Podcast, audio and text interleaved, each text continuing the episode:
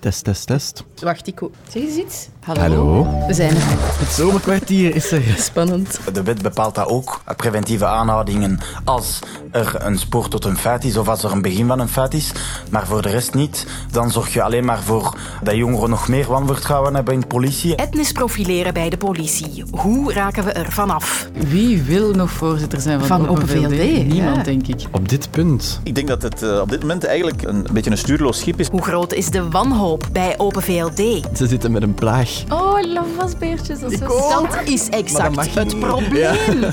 En waarom willen we wasberen weg? Het is zomer en dus is het kwartier er elke vrijdag.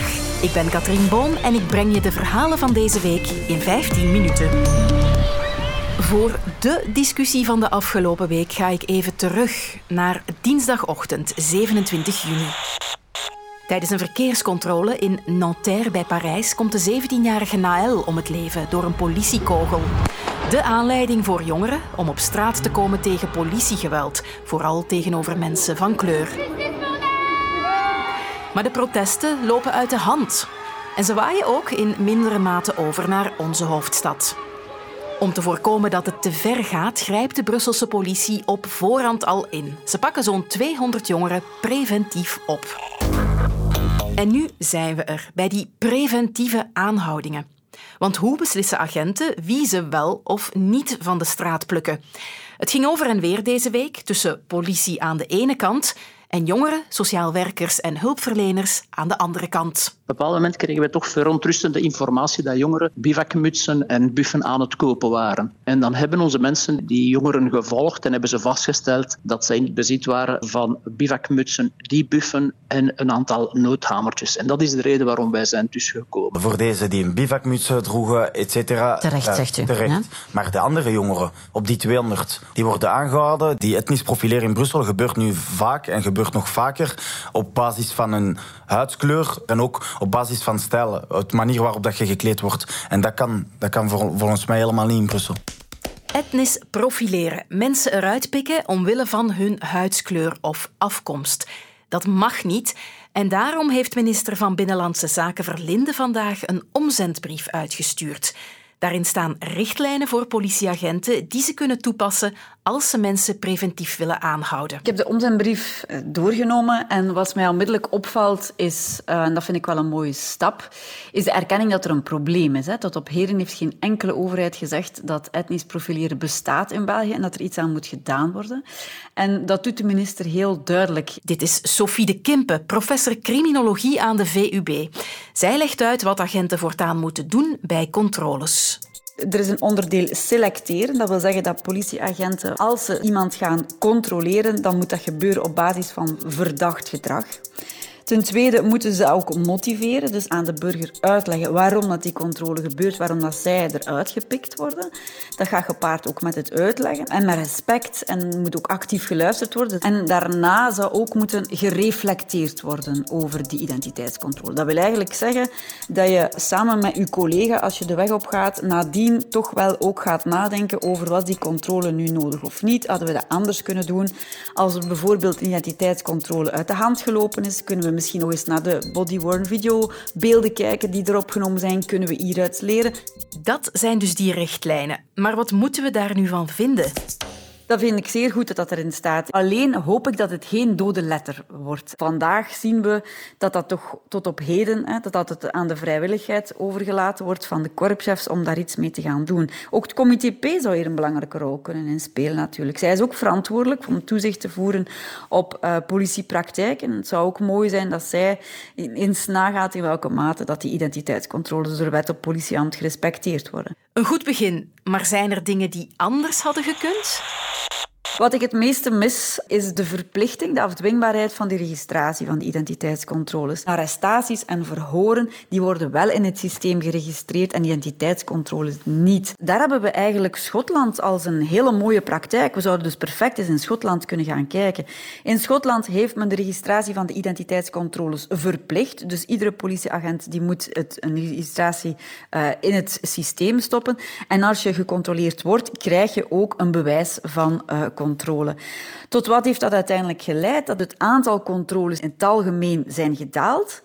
Maar het resultaat van de controle is, is bijna verdubbeld. Dus we hebben ook, als we een controle doen in Schotland, een hit in het systeem. Er worden wapens gevonden, er wordt drugs gevonden. Uh, er is daadwerkelijk uh, iets uh, gebeurd waardoor het compleet verantwoord was om de betrokkenen te gaan controleren. En het is daar eigenlijk dat we naartoe moeten. Hè. We moeten de controles niet afschaffen, we moeten ze gewoon veel efficiënter, professioneler gaan maken. En dan de hamvraag. Krijgen we etnisch profileren ooit helemaal weg?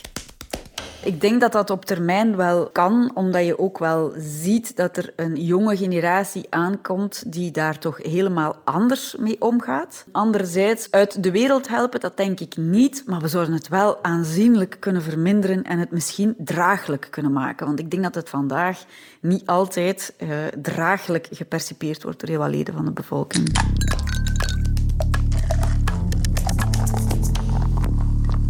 Er zijn deze dagen toffere plekken te vinden dan het hoofdkwartier van Open VLD. Ze zijn daar nog niet bezig met zomerse barbecues en cocktails, wel met zuchten, kopzorgen en irritaties. Zit de partij in, een crisis? Ja, dat is wel duidelijk, denk ik. Laat Egbert Lachert de partij in de steek? Laat mij gerust. En zolang het rommelt in de wedstraat kunnen ook onze politiek verslaggevers niet met vakantie. Ook Lonne van Erp niet. Dag Lonne. Hallo. Is Open VLD een partij die op zijn minst in woelig water zit? Ja, op zijn minst inderdaad. Ik zou het zelfs een partij in crisis durven noemen. Bij de laatste peiling van vorige maand haalden ze een slechtste resultaat ooit. Ze zakken zelfs richting de 8% De centrumpartijen die hebben het als groep wel moeilijk. Hè. Ook CD&V zit al een tijdje met slechte peilingen. Groen ook. N-VA doet het ten opzichte van de verkiezingsresultaten ook minder goed in de peilingen. En het zijn vooral de uitersten op het politieke spectrum die vooruit blijven gaan. Hè. PvdA en Vlaams Belang. En dat zijn ook de enige twee partijen die nergens in een regering zitten. En dat is ook niet toevallig, denk ik, want al die andere partijen die moeten dus compromissen sluiten, naar elkaar opschuiven, waardoor ze ook minder goed uit de verf komen. En dat is zeker zo voor de federale regering, die dus geleid wordt door premier Alexander De Croo, een liberaal. Daar zitten ze met zeven partijen die overeen moeten zien te komen, zowel met linkse als met rechtse. En dat is gewoon lastig. Toch ook wel een beetje bizar, hè? want Alexander De Croo is als politicus best nog wel populair, terwijl zijn partij helemaal wegdeemstert. Ja, hij scoort inderdaad relatief hoog nog in die populariteitscijfers, maar je kan niet anders dan vaststellen dat hij dat niet kan vertalen naar populariteit voor zijn hele partij. En dat heeft dus ook wel te maken, denk ik, met die positie van hem. Hij is premier van die federale regering met die zeven partijen. En dan is het moeilijk om die liberale accenten te kunnen leggen. Dat is trouwens ook een van de redenen geweest voor het ontslag van Egbert Lachaert, de vorige voorzitter van Open VLD. Die raakte gefrustreerd over het feit dat hij niet zo goed uit de verf kwam om die donkerblauwe, die heel erg liberale accenten te kunnen leggen. En dat altijd moest afleggen tegen premier Alexander De Croo, waardoor er dus ook wel spanningen ontstonden. En daar komt nog eens bij dat er federaal een andere liberale partij volop in oppositie kan gaan, namelijk de NVA. Zij kunnen vanuit de oppositie wel volop die liberale kaart trekken en de premier en bij uitbreiding heel Open VLD verwijten dat ze dat niet genoeg doen. We komen dan tot een eerste kookpuntje met dat ontslag van Egbert Lachaert vorige week. En dat mhm. heeft meteen een hele keten van discussies en commentaren in gang gezet. We gaan eens luisteren hoe dat allemaal gelopen is de voorbije dagen. Blijft u voorzitter tot aan de verkiezingen? Ik ga mij tot het uiterste, uiterste blijven smijten. Tot aan de verkiezingen? Zolang ik kan en zelfs daarna. Egbert Lachaert neemt ontslag als voorzitter van Open VLD na de zomer. Voor alle duidelijkheid, ik ga niet onmiddellijk weg. Ik, ik zal pas na de zomer vertrekken. De Croo gaat op zoek naar een vervanger voor Lachaert, maar zonder voorzittersverkiezingen te organiseren. Nu gaat de premier een soort handpop aanduiden. Wel, ik ben daar niet mee akkoord. Tom Ongena wordt de nieuwe interimvoorzitter van Open VLD. Vlaanderen kent u niet, hè? Wie bent u?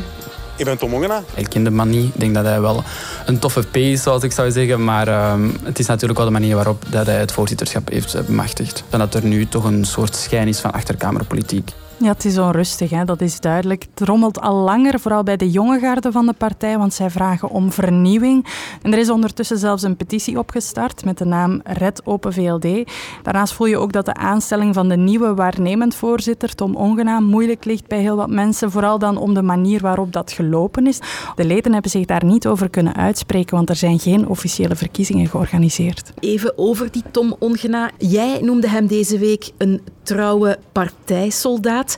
Dat klinkt bij mij als degelijk, maar niet echt de meest swingende man uit de partij. hij is geen al te opvallend figuur. Hij heeft nog gewerkt als woordvoerder, als politiek directeur en sinds 2019 is hij ook uh, Vlaams parlementslid. Hij heeft dus wel heel veel politieke ervaring opgebouwd, draait al heel lang mee binnen die partij. Hij zegt zelf, ik heb nog borden staan afwassen als militant. En hij wordt omschreven als een compromisfiguur, iemand die de brug kan maken tussen die jonge garde en de oudere generatie. En tegelijk heeft hij ook het ideale profiel voor de taak die hem nu te wachten staat, want premier Alexander De Croo die wordt naar voren gestuurd als de kopman van de Vlaamse liberalen richting de verkiezingen. En de job van Tom Ongena zal dus zijn om hem vooral te laten shinen en hem te ondersteunen. En daar heeft hij dus wel het juiste profiel voor. In september houdt Open VLD dan een congres om ja, om wat te doen? Een nieuwe voorzitter te kiezen om Tom Ongena te bekrachtigen? Volgens mij weten ze dat bij de partij zelf ook nog niet zo goed. Het is lang niet zeker of er op dat congres ook nog andere kandidaten hun tegenkandidatuur zullen kunnen indienen. En of er dan toch nog een soort van voorzittersverkiezingen zullen ontstaan. Wil er nog iemand voorzitter zijn bij Open VLD? Ja, dat is de vraag van 1 miljoen. Tom Ongena wil het alleszins wel. En we zullen waarschijnlijk na de zomer weten of uh, heel de partij daarmee akkoord gaat. Herken jij dit lieflijke geluid? Het is een wasbeer. Zwarte pootjes, een Zorro-masker rond zijn schattige ogen. De vriend van Pocahontas ook. Maar het zijn dieren met twee gezichten.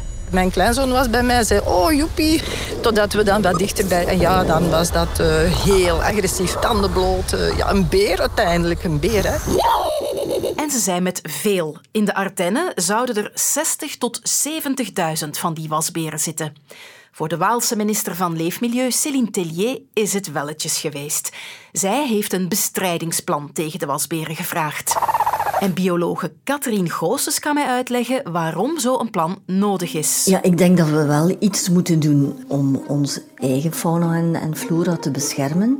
Het zijn alleseters, maar het grootste deel zijn ze jagers. Dus zij gaan hier langs water lopen vaak. Vissen, weekdieren, kikkers, die het al heel erg moeilijk hebben eigenlijk in Europa te lijf, hè, want dat is hun voedsel. Ze eten ook insecten, ze eten ook vogeleieren, want ze kunnen heel goed klimmen. Ze hebben echt wel zo handjes precies. Hè. Dat maakt hen ook heel schattig, omdat ze zo van alles kunnen manipuleren. Zij zullen uh, ook in concurrentie treden met andere jagers, zoals de uil. En niet alleen onze vogels en kikkers hebben wat te vrezen van die wasberen. Die wasberen die beperken zich niet alleen tot het leven in uh, bossen, want daar is het natuurlijk nog altijd moeilijker om eten te vinden dan in de stad. Wasberen zijn echte cultuurvolgers. Zij slagen erin om mee met de mens te leven en ons afval te gebruiken als de meest uh, makkelijke snackbar die zij voor handen hebben. Dus wat zie je? Aangezien dat, dat zo uh, behendige klimmers zijn, gaan zij zich makkelijk nestelen onder daken, op alle plekjes die eigenlijk voor hen bereikbaar zijn, maken ze dingen kapot. Want ze zijn heel goede bijters. Als zij ergens willen geraken, dan gaan ze dingen stuk maken om er te leven, om erbij te komen.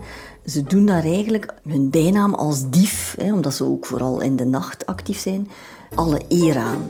De wasberen zijn ondertussen ook al gespot in Noord-Limburg en in Aalst. Ze bestrijden zal dan ook niet simpel zijn. Iedereen zal zijn best moeten doen. Look at you, aren't you a cutie? Laat je niet verleiden hè, in eerste instantie. You want some snacks? What you want?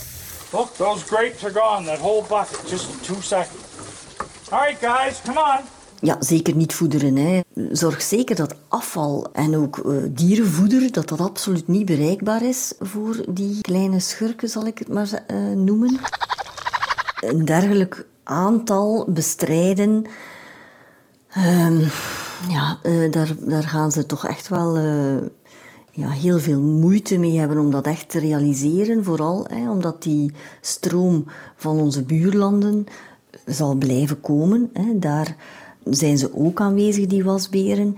Dus ik denk, als we een kans willen maken, dan, dan moeten we dat samen aanpakken op Europees niveau, uh, om eigenlijk die dieren ja, stilletjes aan minder kans te geven om zich voor te planten. En zoals ze het nu vaak doen, uh, is dat dus door hen te steriliseren. Wij blijven de komende weken in zomermodus. Elke vrijdag staat er een nieuw kwartier klaar in je favoriete podcast-app.